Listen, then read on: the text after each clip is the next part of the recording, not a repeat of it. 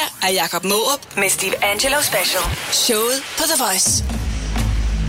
Hejsa, jeg hedder Jakob Morup og laver showet på The Voice, og jeg har lavet en special med DJ og producer Steve Angelo. Vi varmer op til Tinderbox Festivalen, hvor han øh, spiller sin koncert torsdag aften. Hey you, welcome to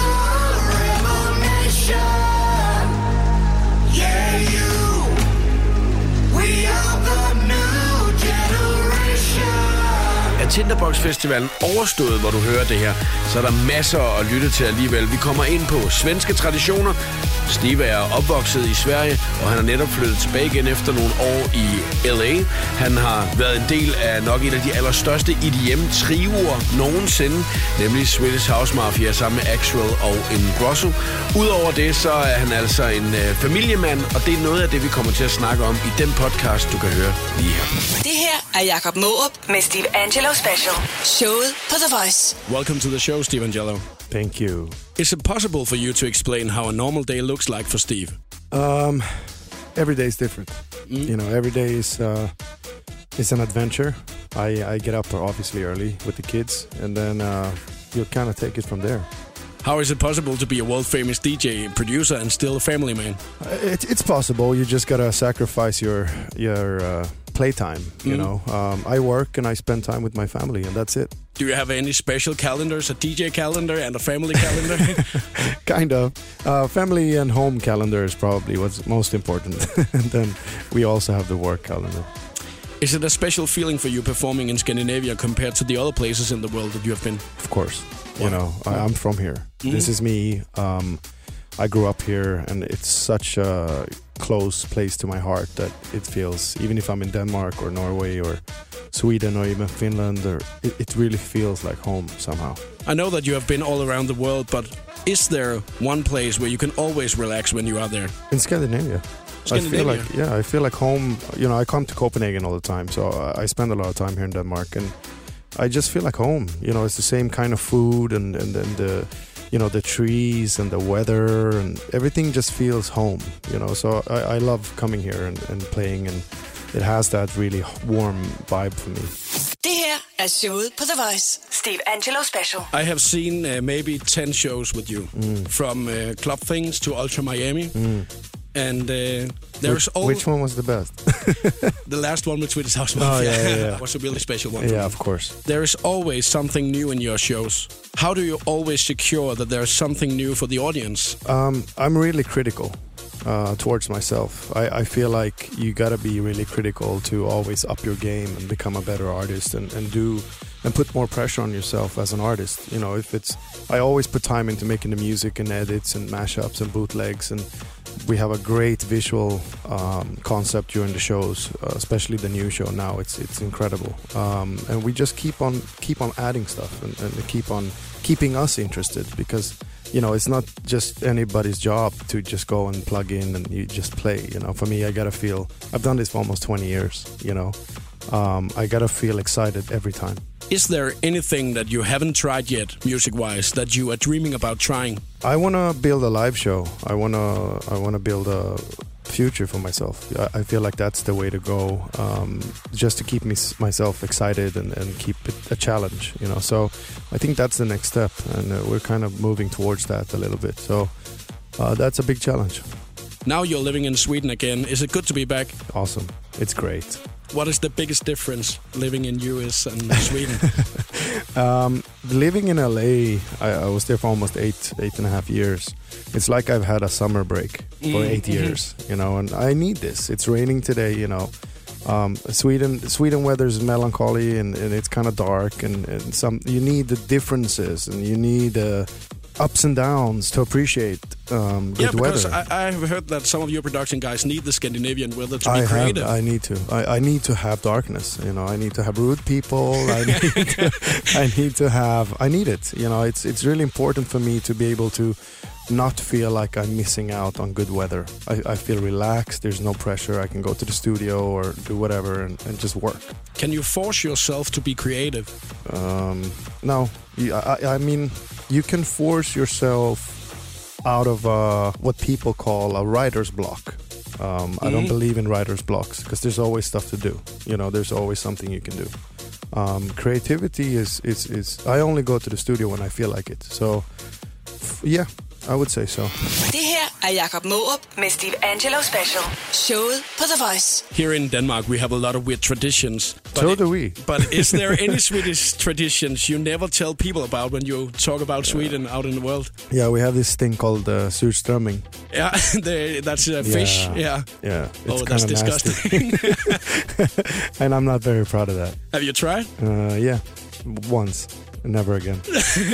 what is it? No, I mean people like the taste. It's it's really different, but it's you know it's it's it's rotten fish. It smells, you know, and people need to uh, you you you put a clamp on your nose and you go in and eat it. But my thing is, you know, all the senses need to work for me to eat something. The EDM scene has changed a lot the last couple of years.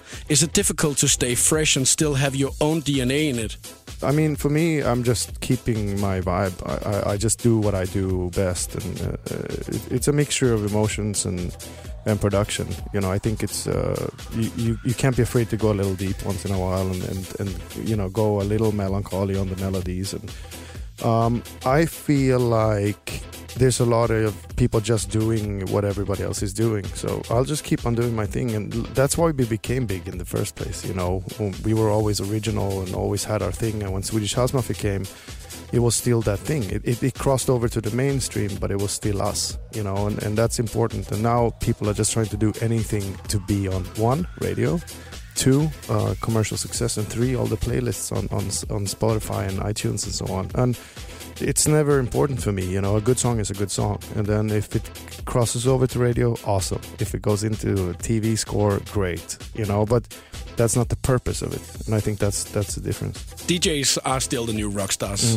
Uh, how do you see the DJ scene now compared to when you were upcoming?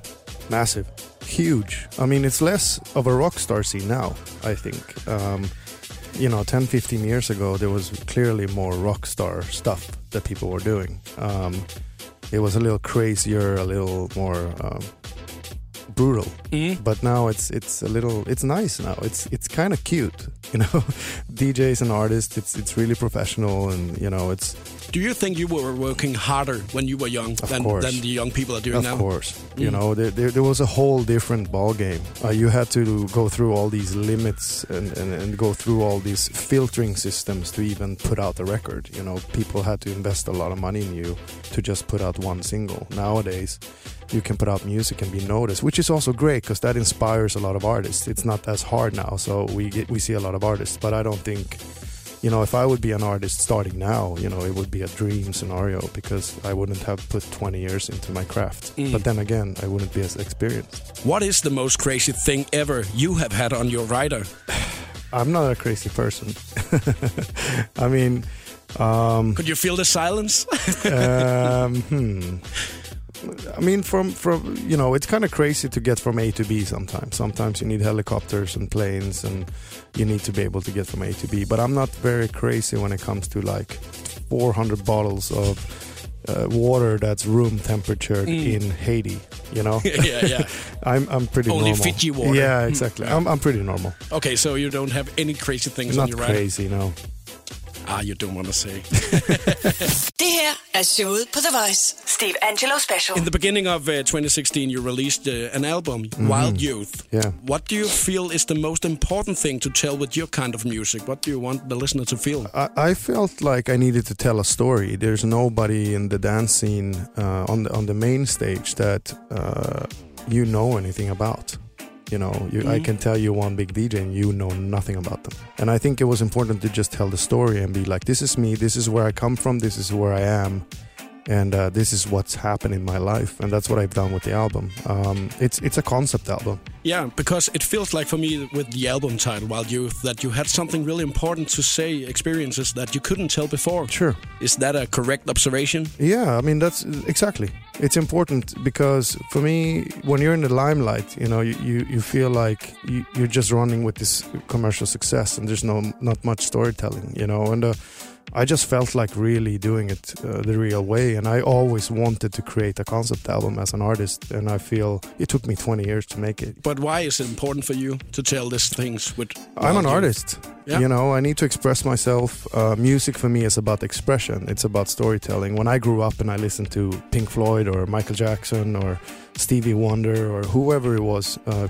Prodigy or Mm. whatever it was, there was something that they were telling. There was a message, uh, and it was either about the revolution or about race or uh, classism or color. They had a like, theme, or? everybody always had a story to tell. Everybody.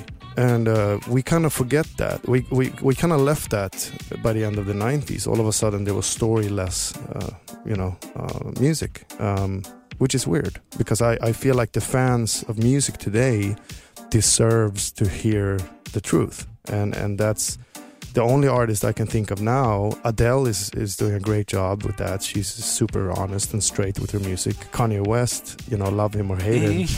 the guy is the most honest artist we've had in the past 15 years. And and I think it's incredible that you ha- are so brave as an artist to go out and do the things he's done because not a lot of people would put themselves on the line to do that. And I think that's incredible. is there anything from your youth that you regret, or maybe would have done different if you had the same view of life that you have now? No, I, I, I don't regret anything. I think uh, I, I couldn't have picked my, you know, the way I brought up. Um, I couldn't have picked that differently because that's the way nature made it. Um, I've had an incredible journey, and uh, I think that being just blessed and, and, and hel- happy uh, for what I was given, you know, I'm, I'm happy with the outcome, and I'm really, really happy where I am today because I've never felt this uh, confident and uh, happy just with the situation, you know. And uh, I feel like everything today is the work of what happened in my my story. So um, I don't regret anything. Det her er Jakob Maarup med Steve Angello Special. Showet på The Voice. Now we're gonna try something. It's called Three Things About Things. Okay, Name three totally no goes when you are a DJ. bad sound. Yeah, is that uh, for a producer's kind of you or No, I mean it's it's. I, I, if it's a really bad sound system, I can't play. You know, um, I don't feel the energy and the vibe. Uh, what else? Um, three things. Um, is there anything with uh, using microphone? I don't care. You know, uh, I, I don't mind to be honest. Uh, if if you look back, I I grew up listening to Carl Cox.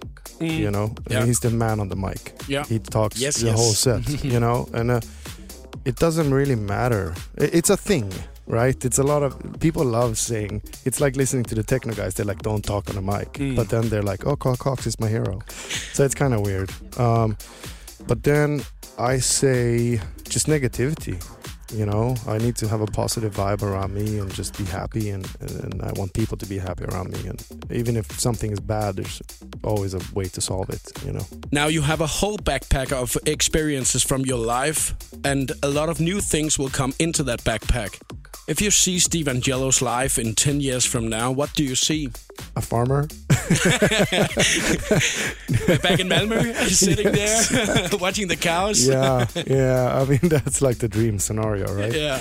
Um, Just relax with your family. yeah. No, I mean. I'll always make music. I don't think touring is gonna be the main priority in my my career. You know, I don't feel like touring is gonna take over uh, more than it has today. We're probably gonna tour really, really hard for another three to five years. But then, I think in ten years, you know, the live show and I don't know what I've felt like then. Maybe I'm with a string quartet or I don't know. Mm. You know, you never know. But for me, it's about the challenge, and I'm kind of just moving forward all the time. So I, I actually have no idea. And people coming to your shows this summer, what can they expect? great music, um, some amazing uh, new songs, uh, not only from myself but a lot of dance producers, and great visual show. And it's a really beautiful show, um, really dram- dramatic, and it has a lot of ups and downs. And it's it's a show. Steve, thank you for Thank dropping you. by, Thank you, and have a nice show tonight. thank you. Det her er showet på The Voice. Steve Angello Special.